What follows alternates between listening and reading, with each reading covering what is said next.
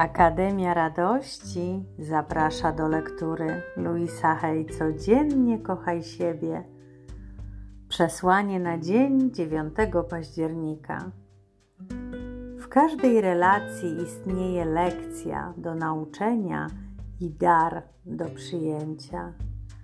Wierzę, że wybrałeś swoich rodziców przed urodzeniem, aby nauczyć się wartościowych lekcji Twoja wyższa jaźń znała doświadczenia, które były Ci niezbędne, aby iść do przodu na duchowej ścieżce.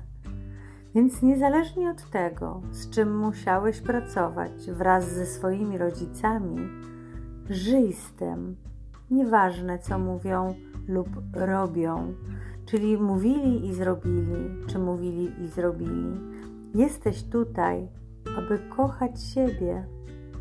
Jako rodzic pozwól swoim dzieciom kochać poprzez dawanie im przestrzeni, aby czuły się bezpiecznie i mogły wyrazić siebie w pozytywny, nieszkodliwy sposób.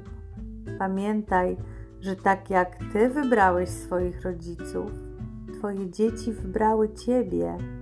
To ważne lekcje nad którymi wszyscy musimy popracować. Rodzice, którzy kochają siebie, uznają za łatwiejsze nauczenie swoich dzieci miłości do siebie.